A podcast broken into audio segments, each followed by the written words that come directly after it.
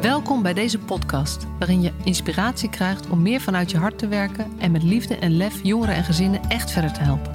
Voel je waarde, voel de passie voor je vak, voel je professional vanuit je hart.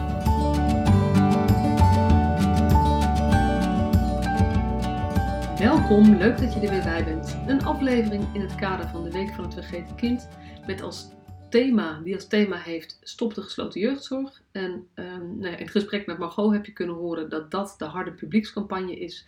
Maar dat het vooral gaat over laten we alsjeblieft betere alternatieven ontwikkelen voor de kinderen die nu nog in de gesloten jeugdzorg terechtkomen. Want nou ja, daar zijn we het eigenlijk met z'n allen wel over eens dat dat niet de ideale vorm van hulpverlening is. En uh, in de campagne wordt benadrukt hoe schadelijk het is. Uh, de andere kant is dat wij ook machteloos zijn om het op een andere manier te, uh, te doen op dit moment. En ik uh, ga in deze serie op zoek naar, um, naar mogelijke alternatieven, naar mooie voorbeelden, mooie ontwikkelingen in het land. En vandaag mag ik in gesprek met Ellen van der Hulst.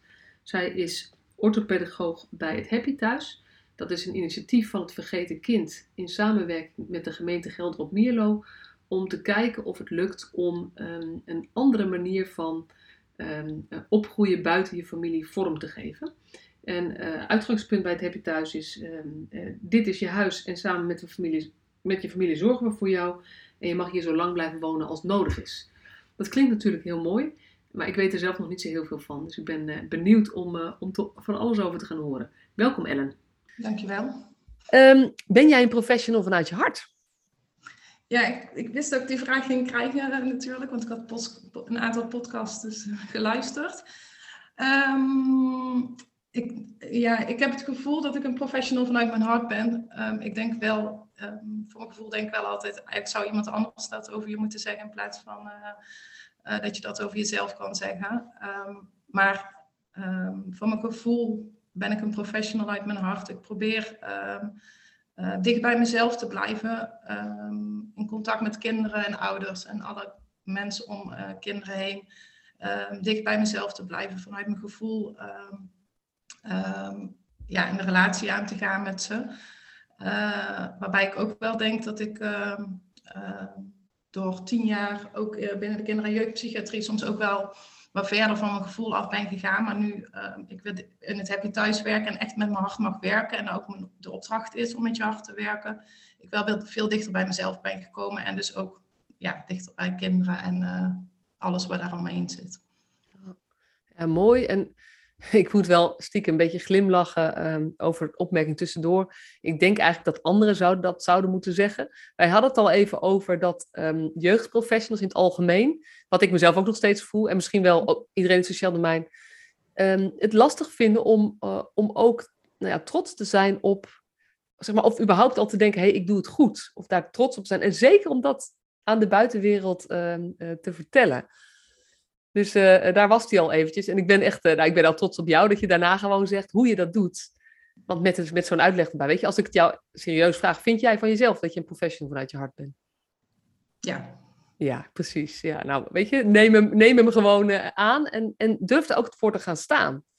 Want ik denk dat dat is wat we, um, zo maken we verschil. En ja, die bescheidenheid die ieder mens siert, zit ons ook in de weg. En uh, uh, nou ja, met, dit, uh, met dit stukje, um, ja, ik denk dat we zoveel meer mooie dingen doen dan we delen met de buitenwereld. En in deze tijd waarin er zoveel negativiteit is over jeugdzorg, laten we alsjeblieft die mooie dingen en die mooie mensen ook, ook delen. Um, ja, kan je iets vertellen over, je zei al van kinder- jeugdpsychiatrie heb je gedaan. Ben je, wat is je achtergrond? Um, nou, ik ben dus Anne van Droost, ik ben 33 jaar en ik uh, uh, heb zelf ook drie kinderen. Um, ik ben, na mijn VWO ben ik, uh, heb ik eerst HBO-pedagogiek gedaan, omdat ik eigenlijk het gevoel had dat ik heel graag in de, echt wilde gaan werken. niet zozeer, oh, toen dacht ik niet zozeer als orthopedagoog, maar dat ik echt op een groep ergens wilde werken ja, met kinderen. Dus ik ben HBO gaan doen. Toen ben ik uh, vanuit daar uh, ben ik in mijn stage terechtgekomen uh, op Herderhof in de kinder- en jeugdpsychiatrie op de gesloten crisisafdeling. En daar ben ik eigenlijk tien jaar blijven, blijven hangen. Heb tien jaar gewerkt.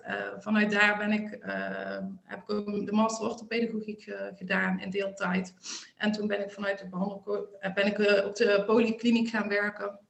Ehm, als cognitief gedragstherapeut en als behandelaar en als behandelcoördinator. En vervolgens ehm, heb ik, ehm, ja, nu drie jaar geleden kwam Happy Thuis op mijn pad en heb ik de overstap gemaakt naar de, naar de jeugdzorg. Ja. En is dat, ja, eigenlijk zijn er allerlei haakjes.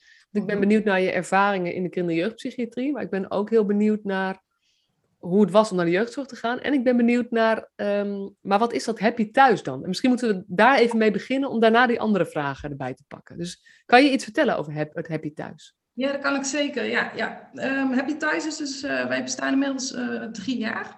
Uh, bijna drie jaar moet ik zeggen. Um, happy thuis is dus, zoals jij in je intro al zei, is staat in de, in de gemeente Gelder op Mierlo. Het is een initiatief vanuit het Vergeten Kind om te laten zien aan de weer, uh, Nederland, zeg maar, dat uh, het ook anders kan binnen de, binnen de jeugdzorg. Het is een reactie op de Alicia-documentaire, die wordt ook weer besproken in jouw podcast, Masha, waarin je dus een meisje zag waarvan op naar her verhuisde. Steeds uit haar eigen omgeving werd getrokken, uh, honderden hulpverleners tegenkwam en steeds beschadigd, meer beschadigd raakte. Um, René van den Kamp heeft het, uh, ook uh, directeur bij het Vergeten Kind, heeft het Happy Thuis uh, opgericht. En um, hebben gezegd, we willen het anders doen. We willen laten zien dat het ook anders kan. En wat doen, ja, dan is de vraag, wat doe je dan anders? Hè? Dat is denk ik belangrijk om te zeggen, is dat het, het, een huis is wat in Gelder op Mierlo staat. er wonen alleen maar kinderen vanuit Gelder op Mierlo, of echt hier, zeg maar, dicht uit de omgeving. Omdat we het belangrijk vinden dat de kinderen in hun Ehm, systeem blijven. En het systeem bedoelen we in de breedste zin van het woord. Dat betekent dat ze dicht bij ouders blijven wonen. Ehm, dat ze op het moment dat ze niet meer thuis kunnen wonen, um, wel op een school kunnen blijven waarop ze zitten. Uh, dat ze op een voetbalclub kunnen blijven, uh, op een muziekles. dus dat hun leven zo gewoon als mogelijk blijft. want het heeft, geeft natuurlijk al een enorme impact dat je niet meer thuis kan wonen.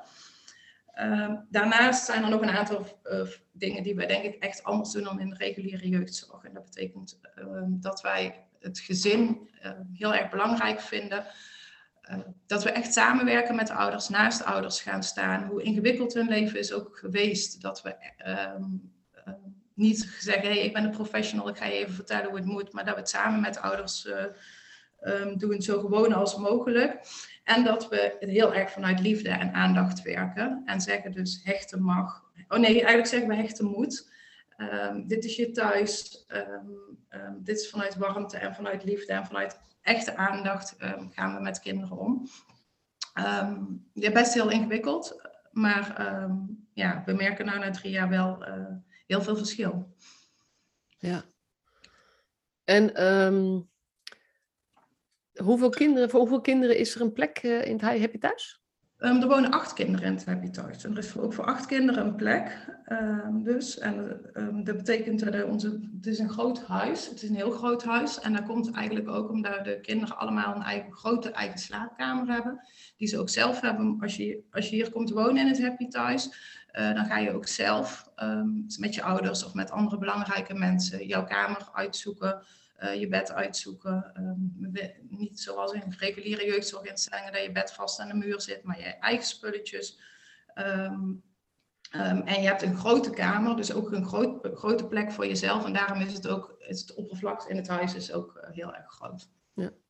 Ja, en is misschien wel even een kleine nuancering. Niet dat in meest, als je kijkt naar de meeste open plekken, zitten bedden natuurlijk niet vast aan de muur. Als je kijkt bij geslotenheid, uh, wel. Ja, ja. Ja, ja, precies. En, en jij, dit zal ook jouw ervaring zijn. Dus, uh, ja. maar heel veel open plekken is dat natuurlijk niet zo. Uh, uh, en um, dan ben ik wel benieuwd, want het zijn acht plekken. Nou is Gelder op Mierlo niet een van de grote steden. Dus je zegt van ze komen allemaal uit een nabije omgeving. Dan, um, ja, als ik dan even een, ik, ik, vanuit een kritische blik kijk, dan denk ik, ja oké, dat betekent dat er gewoon een, een perfecte plek is. Dus dan is het lekker makkelijk en fijn om die kinderen juist om die kinderen uit huis te plaatsen vanuit die gemeente, want we hebben toch die plekken. En, um, uh, en uh, we, ja, we hebben die plekken en het is een goede plek. Dus hoe, hoe, wat voor dynamiek gebeurt daar dan in? Want het klinkt als best wel veel, acht kinderen vanuit zo'n gemeente. Nou, ik ben niet zo eh, statistisch niet zo goed, dus qua aantallen en zo weet ik het niet zo goed hoor. Maar er, wonen nog steeds kinderen die niet thuis kunnen wonen. Niet, um, in, helaas niet in uh, Gelder op Mierlo, omdat het te weinig is voor, voor deze gemeente. Het is niet een hele kleine gemeente. Um, maar het is niet zo, omdat deze plekken er zijn, dat de kinderen eerder niet meer thuis gaan wonen. Er wordt altijd eerst ingezet in alles. Um, en daar is de gemeente Geldermeerlo ook altijd hard mee bezig om te kijken dat het thuis in het eigen netwerk kan. Want um, ja, het is hoe dan ook een kind niet meer, waar niet meer thuis kan wonen, hoe goed de plek ook uh, is, is natuurlijk altijd een keuze die je uh, als aller, allerlaatste maakt. Um, Um, maar ja, dus, maar het, is, ja, het is wel nodig, zeg maar. Het aantal plekken is zeker nodig, zeg maar, voor deze, um, voor deze gemeente. Ja. Ja, in dat, weet je, ik weet ook de statistieken niet hoor, dus wat dat betreft ben je niet de enige. Dat is vaak mensen van de inhoud, houden zich daar iets minder mee bezig. Um, maar ik, ik ken wel het fenomeen van perverse prikkels. Dat als je een plek hebt, als er een plek is, wordt die gevuld. En, en dat, dus dat, want weet jij, doen jullie zelf ook iets in dat voortraject om te voorkomen dat die uithuisplaatsing nodig is? Of is, ligt dat echt bij andere partijen? Nou, het is denk ik wel goed om te benoemen, je dat in die zin ook wel echt anders is. Dat de gemeente Gelder op Meerlo is, heeft, de, uh, heeft het lef gehad um, als gemeente in Gelderop om met Happy Thuis uh, het contract aan te gaan. En in die zin worden wij niet betaald per beslapen bed. En dat is wel echt een verschil met andere plekken binnen uh, de jeugdzorg. Um, omdat wij niet eh, betaald worden per beslapen bed, maakt het eigenlijk ook niet uit of, of de plekken bezet zijn, ja of nee. Um, um, doen we het alleen dus als het echt nodig is. en dan maakt dus dat wordt gezegd, hey, dit project dus beginnen we voor vijf jaar. En dit is het bedrag wat dat kost. Geen idee. daar gaat de directeur natuurlijk over. Um, dus het maakt niet, die, die prikkel valt weg dan. Hè? Uh, en daarmee maakt het dus ook dat je niet uh, op het moment als er maar, maar vijf bedden uh, beslapen zijn, dan moet zeggen, oh, um, dan hebben we minder geld. En daarmee kun je dus ook een vast team neerzetten. Een ja. vast team met opvo opvoeders, want wij noemen het geen groepsleiding hier, maar opvoeders. Uh, een vast team met opvoeders. We werken absoluut niet met invalkrachten, uitzendkrachten en dat soort uh, dingen. Want wij geloven erin dat onze kinderen zich alleen prettig, veilig en fijn kunnen voelen als daar mensen zijn waarin ze met zijn, waarmee ze een relatie hebben, waarmee ze vertrouwen opbouwen, waarmee ze kunnen hechten. En dat kan niet als er elke keer wisselende gezichten zijn. Ja. Zo, je vertelt heel even wat achtergrondinformatie waarvan mijn oren staan te tuten, zeg maar. Mm -hmm. Want dat een afspraak heb niet per beslapen bed. Ik, ik heb toevallig de aflevering van Argos geluisterd um, over uit huis of terugplaatsing. Ik weet niet of je die gehoord hebt, maar daar komt uh, John Goesens aan het woord uh, van Andrea Lindenhout. En hij vertelt over terugplaatsingen vanuit de pleegzorg. Dat zijn hulpverlenershart daar heel blij van wordt. Maar dat hij direct een, nou ja, een, een, een laat het zoeken, een financieringsstress voelt voor het, weet je, als dat, dat bed, die plek leeg is, voor bedrijfsvoering moet die gevuld zijn. En er mag wel even ruimte zijn, maar, maar als die druk wegvalt, dan is het veel meer mogelijk om vanuit de inhoud te gaan denken. Ja, zeker. Dan, het is gewoon altijd, en de vraag die hier altijd voorop stelt, en waar je als orthopedagoog heel blij van wordt, is wat is in het belang van het kind? Ik hoef geen andere vraag, zeg maar. Ik hoef niet te denken, is het in, het begin belde ik nog wel eens onze directeur en zei ik, goh, uh, de fiets is kapot, kunnen we? Gewoon omdat ik dacht, oh, dan moet ik verantwoorden. Zei, en je hoeft alleen maar te denken, is het nodig voor het kind? Ja, dan is het uh, altijd goed. Um, en dat maakt natuurlijk wel een enorm groot verschil. Ja, en je zegt dat is, nou ja, dit getuigt zeker van lef van de gemeente ja, van op Mierlo. Dus het maakt me ook heel nieuwsgierig naar hoe zij dat verder ingericht hebben. Maar daar, daar weet jij misschien niet zoveel. Dat is een, dat, nou ja, die, die onthoud ik eventjes, want daar zou ik wel heel um, benieuwd naar zijn. Um, en je, je zei ook, weet je, we noemen het uh, opvoeders en geen groepsleiders. Dat is, dat is al mooi. Jij bent ook geen behandelcoördinator, vertelde je. Nee. Kan je er iets over zeggen, uh, wat jouw rol is, hoe, dat, hoe je die invulling geeft? Ja, um, ja wij werken dus uh, vanuit, vanuit Happy Thuis werken we vanuit het klimaat van aandacht. Ehm, dat is het ja, daar kunnen we, kunnen we een hoop over vertellen. Dat is vanuit het Vergeten Kind, vanuit de Happy Vakanties opgericht. In het klimaat van aandacht zeggen we dus, we doen wat al het, de term zegt, we, doen, we benaderen kinderen met echte aandacht, vanuit liefde, vanuit ons hart.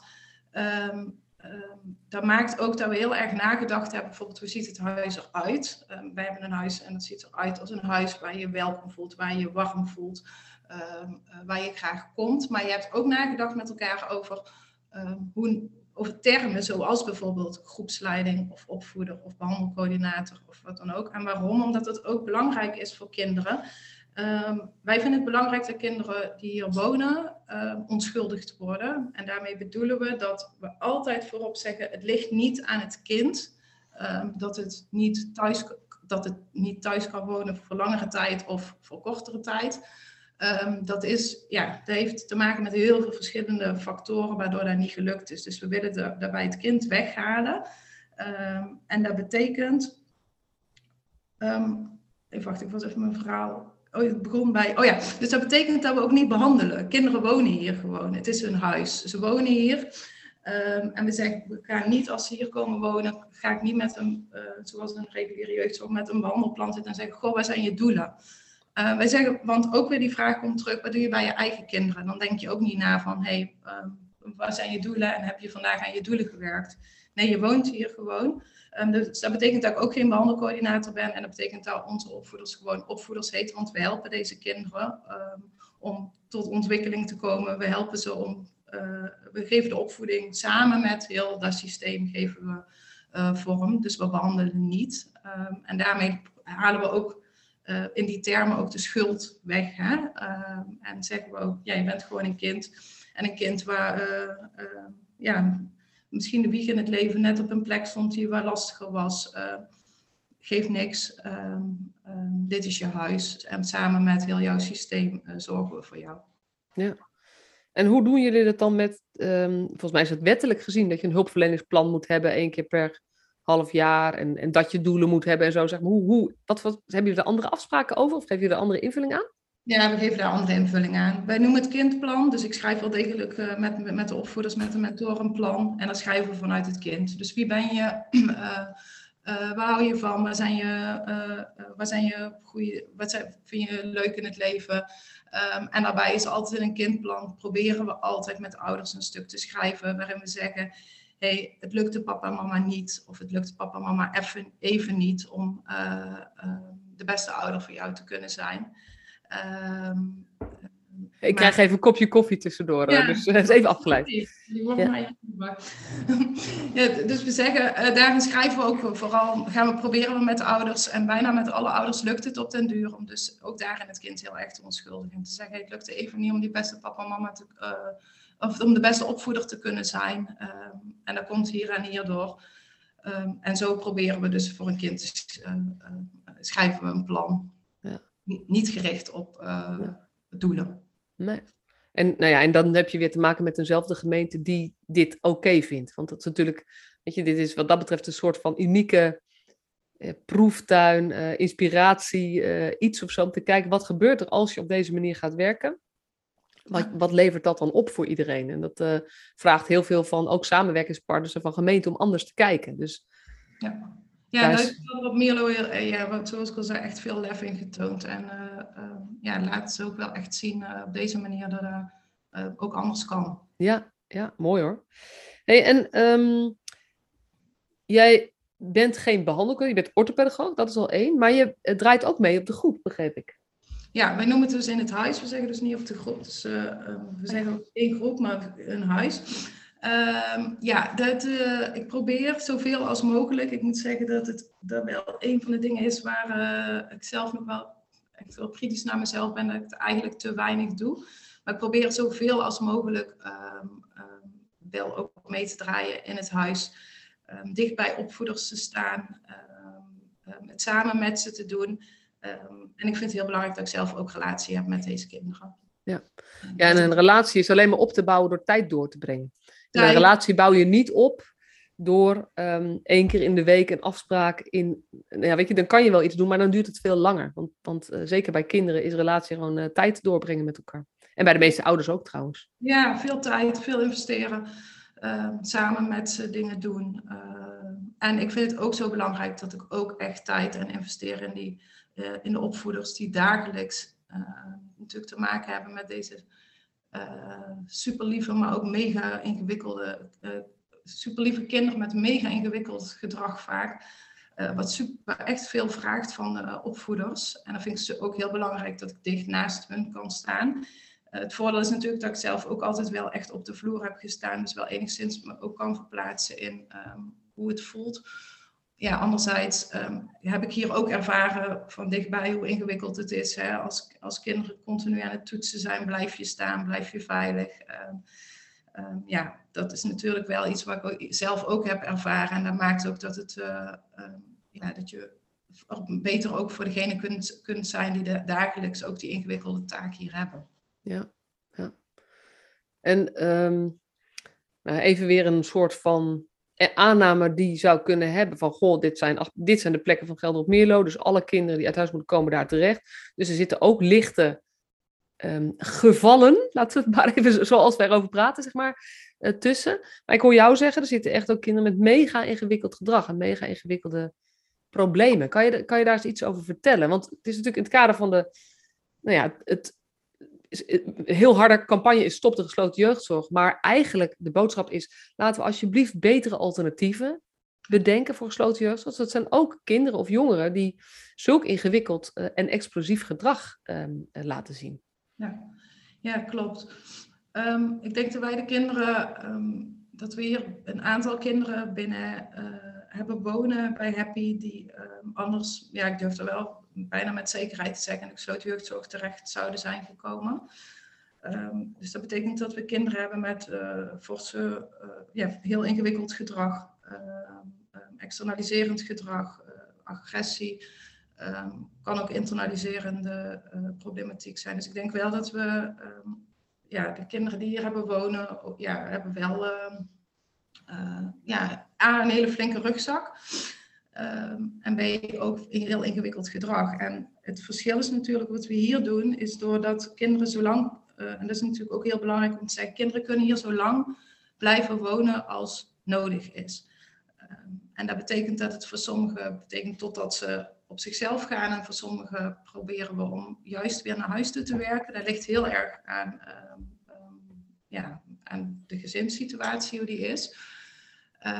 dus dat betekent wel dat je Ehm, kijk, op het moment zoals het nu vaak geregeld is, is dat kinderen ergens wonen. Nou, en dan ga je bijvoorbeeld in Boksel en dan mag je een half jaar naar Boksel.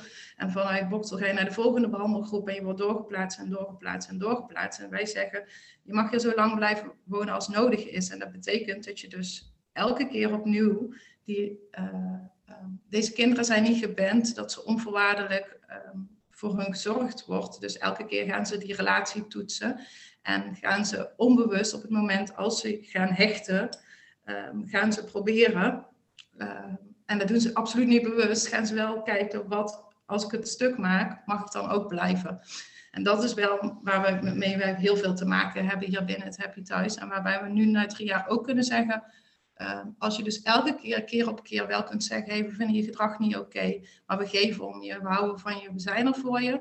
Um, dan zie je dus ook dat deze kinderen steeds uh, minder dit gedrag laten zien en steeds gezonder opgroeien.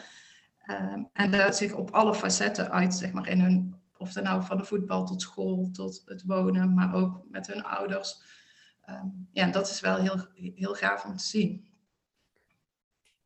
Ja, ja en ja, ik, dat had ik me nog niet echt gerealiseerd. Maar met dit uitgangspunt is natuurlijk ook dat jullie drie jaar geleden met een aantal kinderen begonnen zijn. En dat het voor een deel, of misschien wel bijna allemaal, dezelfde kinderen zijn.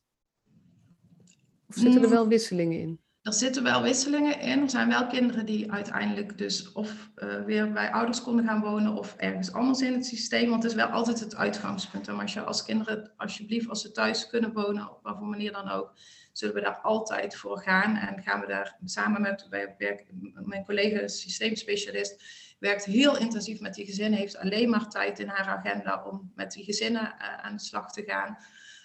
Um, dus we, daarin proberen we zeker op in te zetten. Maar er zijn dus ook kinderen die er drie jaar geleden zijn komen wonen en hier nog wonen. Ja.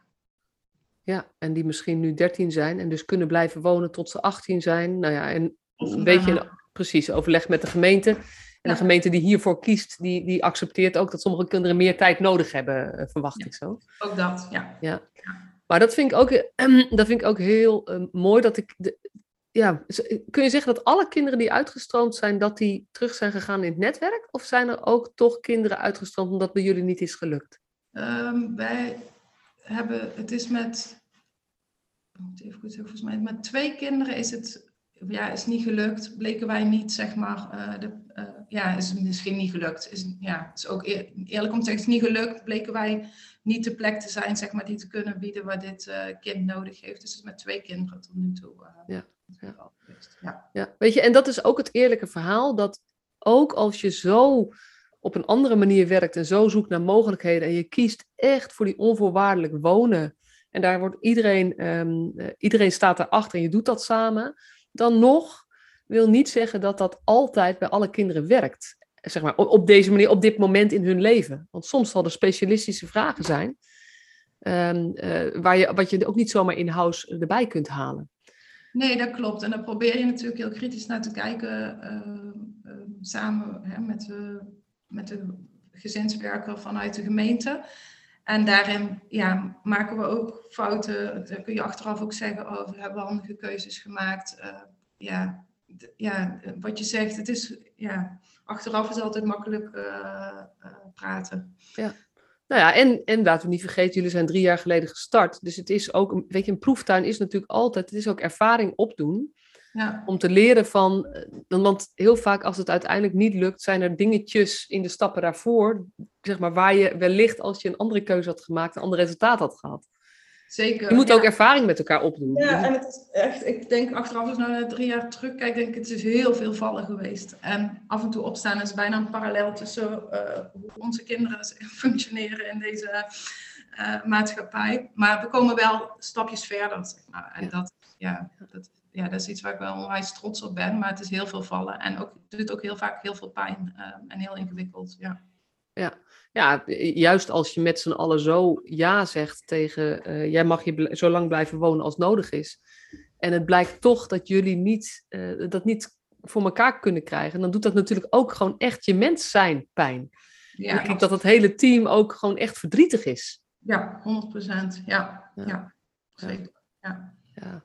En, um, nou, en wat dat betreft denk ik, um, het is wel belangrijk ook voor iedereen, denk ik, om te realiseren dat, er, dat uh, ook als je een hele goede manier van werken hebt, het is geen garantie voor altijd het goede, goede resultaat. Los van, weet je, dit klinkt wel heel naar dan, maar je weet dat gewoon niet.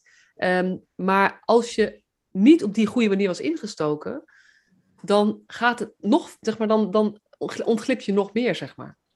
Dus het gaat wel over, de, over dat je iedere keer weer blijft kiezen vanuit de, de hoop um, en vanuit ook de ambitie om echt tot het uiterste, uiterste, uiterste te gaan en te blijven zoeken naar hoe kunnen we zorgen dat dit kind gewoon in Gelderop Mierlo, in de buurt van zijn familie, kan opgroeien. Want dat geeft een beste basis voor de rest van zijn leven. Want uiteindelijk, al die professionals, ook uh, jullie als opvoeders, uh, zijn tijdelijk in het leven van deze kinderen. Absoluut, ja. ja. En het mooie is denk ik dat we daar ook nu, drie jaar later, ook dat wel echt uh, uh, nooit verwacht had toen ik hier instapte, is uh, dat het zo goed zou werken. Ik was best wel een beetje ook sceptisch over bepaalde dingen in het begin. maar dat we ook wel heel erg met elkaar erachter zijn gekomen dat we, wat we heel veel doen in de hulpverlening, is heel erg dan over de kinderen praten. En het ligt aan de kinderen. Want de kinderen zijn lastig of ingewikkeld of die ouders. Um, en um, in deze baan ben ik er heel erg achter gekomen. In dit werk zijn wij er met elkaar heel erg achter gekomen dat het in essentie heel erg gaat over onszelf en over onze eigen hechtingsstijlen. En over hoe ingewikkeld het is om te verdragen um, dat je elke keer die pijn moet incasseren van dat kind. Die, wat je niet, je, je, kunt er niks aan doen dat ze zo beschadigd zijn, maar als hulpverlener of als opvoeder zeg je hier wel ik blijf onvoorwaardelijk staan. En dat vraagt zoveel van de mensen die hier werken en die daar dagelijks uh, aan blootgesteld worden. En het vraagt weer zoveel van ons en van heel de organisatie om die opvoeders elke keer daarin te blijven ondersteunen. Um, en dat is wel, uh, denk ik, iets wat we ja, nu na drie jaar kunnen zeggen dat we daar uh, veel beter doen en waar we ook nog heel erg in kunnen groeien met elkaar. Ja. dat doet mij even denken. Ik heb, ik heb zelf vier kinderen. Mhm. En ehm, ik ben ook niet veilig gehecht.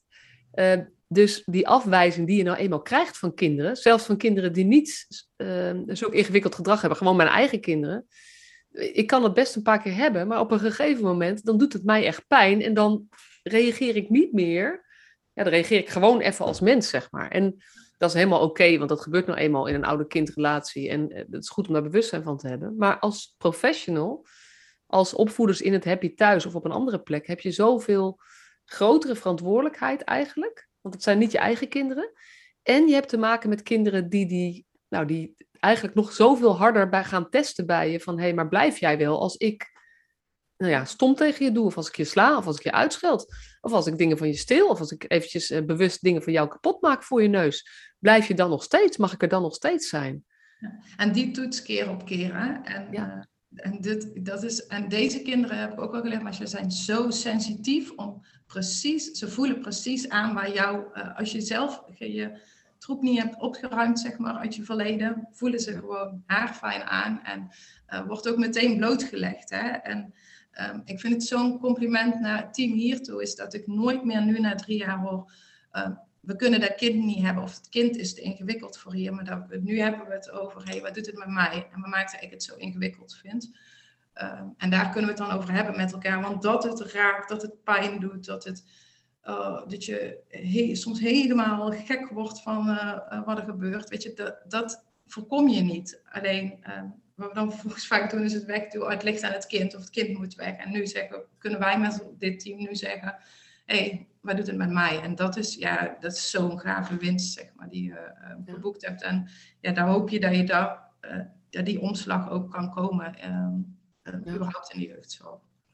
Ja, en dat is natuurlijk helemaal waar ik ook nou ja, op mijn eigen manier met mijn eigen woorden mee bezig ben. Met het, ik weet niet of je dat kent, dat, dat tekenetje met die twee poppetjes en die twee muurtjes. Mhm.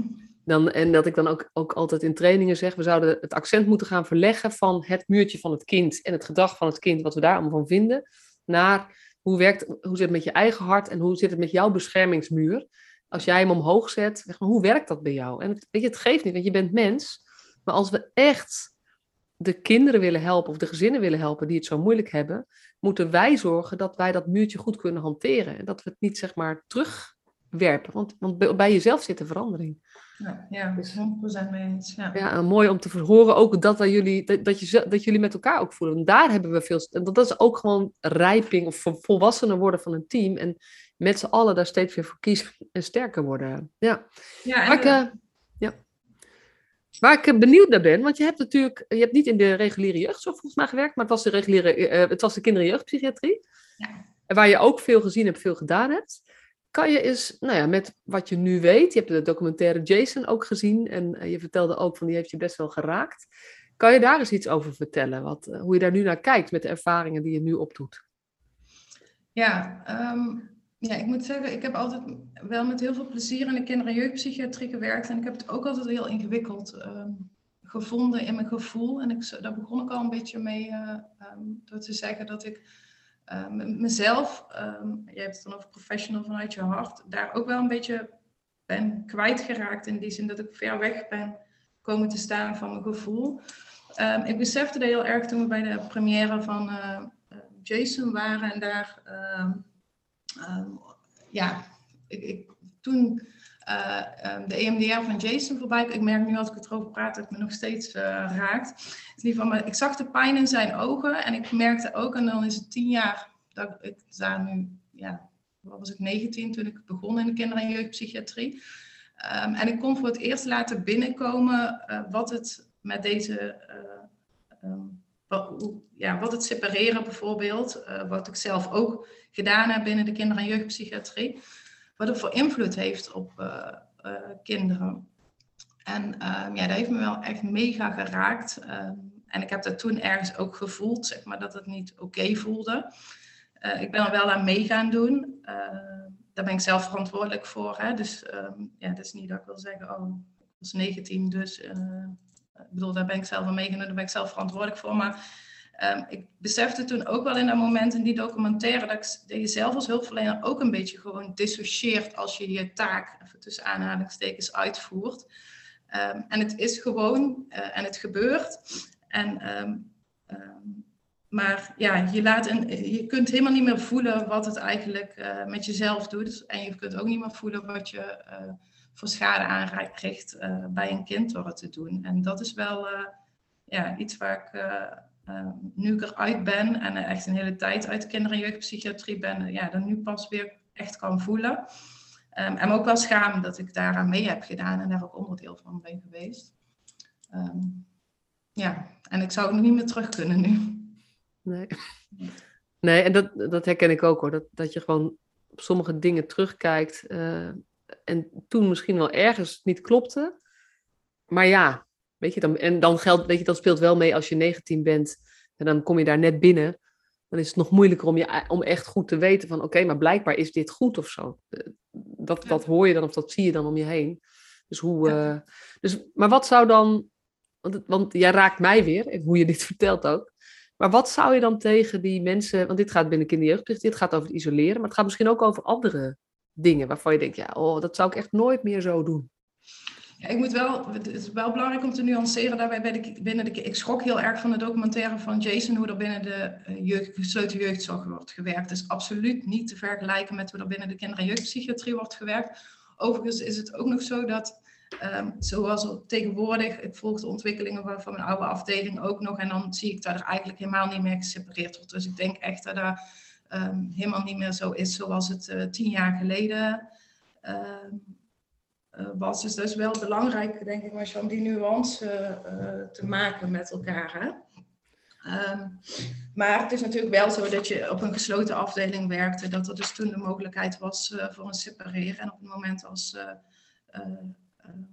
ja, er, de veiligheid van het kind in het geding kwam, was dat eigenlijk over het algemeen meer bij suicidale jongeren. Ja, dan maakten wij wel gebruik van de isoleercel. Ja. En um, weet je, ik, denk, het gaat uiteindelijk ook over. Um, want de, de, ik, vind de, ik weet niet eens meer waar die vandaan komt, maar ik laat je niet alleen. Dat, dat is natuurlijk een hele belangrijke ontwikkeling geweest ja. om ook met z'n allen daarover na te denken. Van hé, hey, eigenlijk is het gek wat we doen. Dus, dus ik herken ook wat jij zegt, van, daar zijn echt mooie ontwikkelingen in. En tegelijkertijd gaat het ook nog over meer dan alleen maar het isoleren. Ja, ja het gaat ook over cultuur. Ik weet dat ik uh, uh, uh, kwam werken of kwam stage lopen op die afdeling en dat ehm, ik denk ik, ik ben iemand die altijd ook binnen de kinder- en jeugdpsychiatrie met zijn hart heeft gewerkt, um, geprobeerd heeft om kinderen echt te zien, ouders echt te zien, dicht bij kinderen ook te komen. En ik weet dat collega's die lang daar werkten tegen mij zeiden, Elle, als dit kind zich suicideert, gebeurt dat in jouw dienst. En ik kan me die nog zo goed herinneren dat gezegd wordt en dat ik dacht, hoezo? Um, en dan inderdaad, want jij bent degene die zo uh, dichtbij komt. En dat is de gedachte die um, toen in ieder geval heel erg overheerst ook. Hè? Van niet te dichtbij komen. Het is heel gek, Marcia, want je geeft geen... Een kind is verdrietig, komt op zijn kwetsbaarste punt in zijn leven op zo'n afdeling, maar je geeft geen knuffel als ze, als ze verdrietig zijn. Dus je, dan ga je maar praten of... Uh, professionele afstand. Uh, weet je, al die termen, dat is wat heel erg uh, overheerst bij, in, in die hulpverlening. En het is natuurlijk heel gek. Ja. Als je er nu op terugkijkt, is het natuurlijk heel raar dat we, dat we zo werken met elkaar. Ja. Ja, en, en dan is ook wat natuurlijk even over hoe, je, hoe, je, hoe de rol van orthopedagoog ingevuld is bij het Happy Thuis. Dat um, ik ken de kinder- en jeugdpsychiatrie ken ik niet, maar ik weet het wel vanuit de jeugdzorg. Ik denk dat de kinder- en jeugdpsychiatrie wel ook vergelijkbaar is. Dat uh, de groepsopvoeders, de groepsleiding, de sociotherapeuten, hoe we ze ook noemen, uh, dat die in principe de begeleiding doet. Maar als het echt ingewikkeld wordt, dan wordt er een specialist bijgehaald, een behandelaar, die extra met dit kind moet gaan praten eigenlijk, omdat de, uh, nou ja, de, de dagelijkse begeleiders het niet meer weten. En dan wordt eigenlijk de, de, de nabijheid in plaats van dat er meer nabijheid komt, wordt er een specialist bijgehaald die het soort van, nou ja, het, het, het kind moet repareren, klinkt dan wel heel, uh, maar die eigenlijk moet zorgen dat de crisis weggaat of zo. Ja. En, en daar, dat is natuurlijk een heel andere invulling van. Ehm, eh, dat is heel erg. Ja, dus die specialist weet wat goed is voor dit kind. Herken je dat een beetje? Ja, binnen kinder- en jeugdpsychiatrie gaat het wel iets anders. Want je hebt wel een psychiater, op zo'n uh, crisisafdeling zit wel altijd een psychiater aan verbonden die wel heel erg betrokken is ook. En een uh, gedragswetenschapper die uh, wel heel erg betrokken is. Maar inderdaad, het is wel, ja, dat er dan van buitenaf, dat zie je nu natuurlijk ook nog binnen de jeugdzorg, hè, dat er dan van buitenaf iemand is. Het is heel gek dat we, dat, dat we zo werken, want er zit natuurlijk geen kind op te wachten om met iemand te gaan praten die, waar die helemaal geen relatie of geen band mee heeft. Het is heel gek. Ja. Ja. Nou ja, en, en niet alleen het kind, want het, ik ken het zeg maar rond de kinderen, maar ik ken het ook rond de gezinnen. Dat um, sommige gezinsdynamiek, systeemdynamiek, is natuurlijk ongelooflijk ingewikkeld om, om iets mee te kunnen. Dus ik snap dat, dat je, ja, als je gewoon dagelijks begeleider uh, bent, dat je ook niet zo goed weet wat je ermee moet of kan, of hoe je dit nou ja, beter kunt laten verlopen. Maar dan is de reflex, of wat, hoe wij het geregeld hebben, is dat er dan systeemtherapie wordt aangevraagd. En dat de systeemtherapeut dan, nou ja, één keer in de week, één, keer in de twee weken of één keer in de drie weken, een afhankelijk van wat het is, een, gesprek gaat hebben. Maar dat eigenlijk de hoop van, van de hulpverlening is, of dat soort van reflex is. Ja, en daar, daardoor gaat het dus dan beter, door die gesprekken met die systeemtherapeut. En dat is, dat eigenlijk hetzelfde. Dat ik echt denk, dit, dit, ja, het kan helpen om hardnekkige patronen zichtbaarder te maken. Maar de echte verandering zit altijd, geloof ik, in de, zeg maar, als de, de mensen die, die het meest contact hebben met zo'n gezin, met de ouders, als die ook um, uh, ja, juist met dit soort thema's uh, aanwezig blijven. En, en niet dat, nou ja, eigenlijk uitbesteden, omdat, ja, omdat je het gevoel hebt, daar ben ik niet voor opgeleid, want dat is heel vaak het gevoel. Hè? En soms ook wel, nee, daar, daar hoef jij niks mee, of daar mag jij niks mee, want dat doet de systeemtherapeut. Terwijl daar ook voor ouders kan ik me voorstellen dat het heel gek voelt als uh, zij het moeilijk hebben met hun kind en moeilijk hebben met zichzelf en moeilijk in hun systeem. En hun kind kan niet bij ze wonen.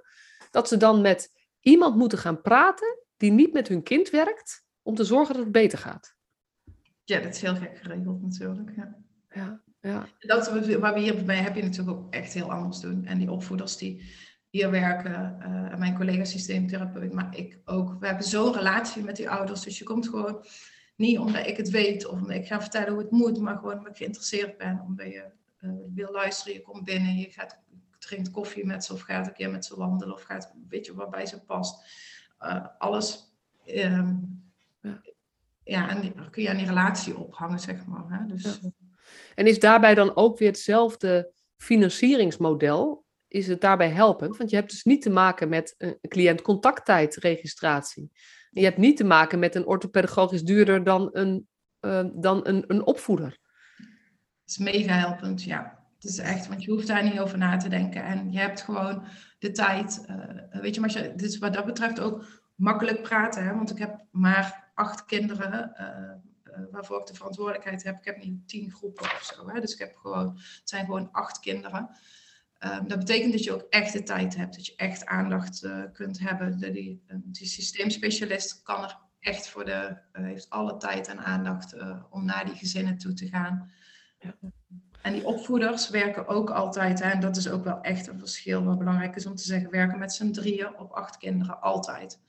En dat betekent dat ze dus altijd mee kunnen naar de voetbalclub. Dat ze altijd mee kunnen als er een schoolgesprek is. Dat ze altijd mee kunnen, uh, altijd bij ouders even op de koffie kunnen. Uh, ja. Er is altijd ja, precies. een aandacht. Dus, dus het zijn hele mooie voorbeelden, maar niet direct toepasbaar in, in, nou ja, in als het nog anders georganiseerd is. Uh, nee. Nee. En, um, maar even voor de, want jij bent gedragswetenschapper, daar, dat, dat is natuurlijk ook je rol, maar je bent ook teamleider, toch? Ja, ja dus, uh, dus het is de acht kinderen plus het team waar jij je ja. tijd over verdeelt. En dat ja, wel even nog een kleine nuancering. Uh... Ja, en dat is wel belangrijk om te zeggen. Want dat is natuurlijk zo, zoals ik straks al zei, gaat er gewoon heel veel tijd en heel veel aandacht in de coaching van, van het team. Uh, ja. Want zij hebben, um, om dit werk goed te kunnen doen, um, heb je heel veel aandacht nodig voor je team. En het is ook belangrijk dat je daar echt een relatie mee hebt. Um, en zijn we er dus ook een van de dingen die minder in mijn optiek minder goed gelukt is de afgelopen drie jaar, is dat we meer wisseling hebben gehad binnen het team dan we eigenlijk hadden gewild. Dat heel erg uh, bij de selectie van dit uh, Happy Thuis is heel erg zorgvuldig gedacht over uh, welke opvoeders komen hier werken. Um, en toch bleek in praktijk dat we best heel veel wisselingen hadden. Um, en um, dan zie je ook weer, omdat dit werk zo ingewikkeld is, omdat het zoveel vraagt, omdat als je, nog, als je je eigen shit uit je verleden niet hebt opgelost, dan loop je hier vast en dan ja, kom je knel te zitten. En, dus er is ook heel veel ruimte in mijn werk om uh, met de opvoeders uh, te, te ondersteunen, te hebben over hun eigen hechtingsstijl. Want ja, nogmaals, als je het, jezelf je shit niet hebt opgeruimd, dan ga je vastlopen met deze kinderen. Ja. ja. Als je nou ehm, met de wijsheid van nu en de ervaringen van de afgelopen drie jaar een advies mag geven aan je jongeren zelf, wat zou dat dan zijn? Toen jij daar op de groep stond. Um...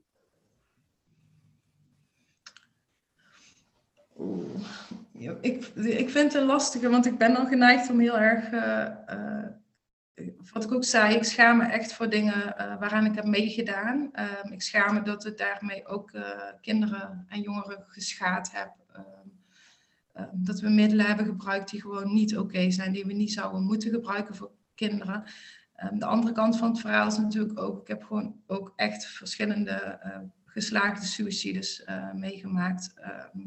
Um, voor sporen staan, worstelen met kinderen. Ehm, ehm, dus ik wil zeggen, het heeft me allemaal gevormd tot degene wie ik nu ben. En doordat ik de anderen heb meegemaakt, dus ook juist doordat ik ook dingen heb moeten doen die misschien niet oké zijn en hebben gevoeld, zou ik nu ik zou, snap je, ik zou nu niet meer terug kunnen naar daar. En met niks zou ik terug willen naar daar. Eh, maar het heeft me wel gemaakt tot de persoon die ik vandaag ben. Um, en ik zou tegen mezelf dan wel zeggen, misschien blijf dichter bij, ja, blijf dichter bij je hart, zeg maar, blijf dichter bij je gevoel. Um, want ik denk wel dat ik het gevoeld heb toen. Ja. Nou, dat is, weet je, dank je wel ook voor het zo kwetsbaar delen van dit stuk. Want het is, ja, jezelf eerlijk aankijken in de spiegel. Um, is gewoon moeilijk. En is ook, maar is ook uiteindelijk de, de mogelijkheid om echt dingen te veranderen. En ook echt dingen bij jezelf te veranderen. En uh, nou ja, ik kan me voorstellen dat, dat mensen die nu niet bij een happy thuis werken, maar gewoon in een meer reguliere vorm van jeugdzorg, waar, wel, waar je met z'n tweeën of soms in je eentje op een groep van acht kinderen staat. Waarbij um, de cliënt contact heeft, waarbij je met doelen moet werken. Die, dus dat in zo'n situatie kun je het niet zo maximaal um, vormgeven zoals jullie dat nu kunnen doen. Maar het begint uiteindelijk wel, iedere verandering begint volgens mij bij een verandering in jezelf. En, uh, en dat is wat jij natuurlijk eigenlijk ook zegt. Ja, als je ergens dat gevoel hebt van, mm, probeer eens te onderzoeken waar gaat dat over? En, en wat kun je dan in het klein, op de plek waar je nu zit, het liefst. Want als iedereen meteen en masse zeg maar, iets anders gaat doen, dan hebben we alleen maar grotere problemen. Dus dat is helemaal niet het idee. Nee. Maar ik denk dat we die. Het gaat, jij zei het ook, het gaat om een cultuurverandering. Het gaat om verandering binnen de sector. En dat moeten we met z'n allen doen. En uh, nou ja, jouw, eh, jouw tip daarin is eigenlijk: probeer eerlijker te zijn naar eigenlijk wat je voelt. Ja, en kwetsbaar, durf je kwetsbaar op te stellen. Uh, en heb lef, denk ik ook. Ja vraagt ook veel lef om dicht bij jezelf te blijven in zo'n uh, in zo'n cultuur. Ja. En heb je dan nog een tip voor die mensen uh, wat ze zouden kunnen doen als ze nou ja, dat zo spannend vinden? Hoe, hoe kan je meer lef hebben of wat moet je doen om, om dat te kunnen hebben? Ja, ik heb zelf wel altijd gemerkt dat als je. Um, uh, ik denk echt dat het essentieel is als hulpverlener dat je je kwetsbaar op durft te stellen. Dat je eerlijk en kritisch naar jezelf durft te kijken. Dat je je pijn bespreekbaar maakt. En ik heb zelf gemerkt, ook binnen een setting als in de kinder- en jeugdpsychiatrie, als je dat doet, uh, dat het ook heel positief ontvangen wordt. En dat er ook je anderen mee helpt om het ook te doen. Want er zijn heel veel mensen die het uh, ook, zo, ook zo voelen of heel. Ehm, of ook ergens van binnen inderdaad voelt van het, is, het voelt niet fijn of het is niet oké of het doet pijn. ja, en mijn tip is dan wel om het uh, het lef te hebben om het bespreekbaar te maken met elkaar. Uh, ja. Want met een klein beetje lef kan je wel al een groot verschil maken, denk ik, voor kinderen. Daar kan ik het alleen maar helemaal mee eens zijn. Weet je, mijn, mijn slogan: iedereen 5% meer liefde en lef. En we hebben morgen al een betere sector. Dan zijn we er nog niet. Maar dit is wel waar het begint. En uh, nou ja, je wel voor het delen van je verhaal. Ja, bedankt.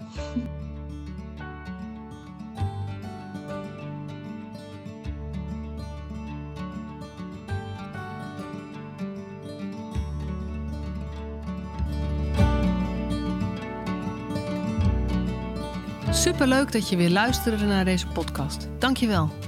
Nog even kort een paar belangrijke dingen. Ten eerste, het is mijn missie dat de jeugdhulp weer een sector wordt waarin bevlogen, liefdevolle professionals jongeren en gezinnen echt verder helpen. Daarom maak ik deze podcast voor jou. Wil jij deel uitmaken van deze beweging van Professional vanuit je hart, waarin professionals elkaar steeds opnieuw inspireren? Begin dan met het lezen van mijn boek. Je kunt de eerste hoofdstukken helemaal gratis lezen. Ga naar professionalvanuitjehart.nl/slash boek. Ten tweede, wil je alle podcastafleveringen overzichtelijk onder elkaar? Abonneer je dan op deze podcast. Klik in je podcast-app op de button subscribe of abonneren.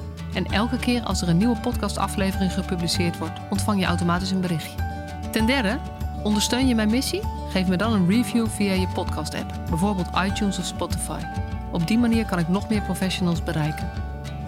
En ken je een collega voor wie deze podcast ook interessant is? Dan zou het super zijn als je hem of haar de podcastaflevering doorstuurt. Bijvoorbeeld door de link te kopiëren via Spotify. Ik vind het altijd heel leuk om berichtjes te ontvangen van luisteraars om te horen wat je van een podcast vindt, of als je misschien vragen of suggesties hebt. Of als een aflevering je een bepaald inzicht heeft gegeven of er iets in beweging is gekomen. Stuur me dan even een berichtje op masha.professionalvanuitjehart.nl via de website of stuur me een connectieverzoek op LinkedIn.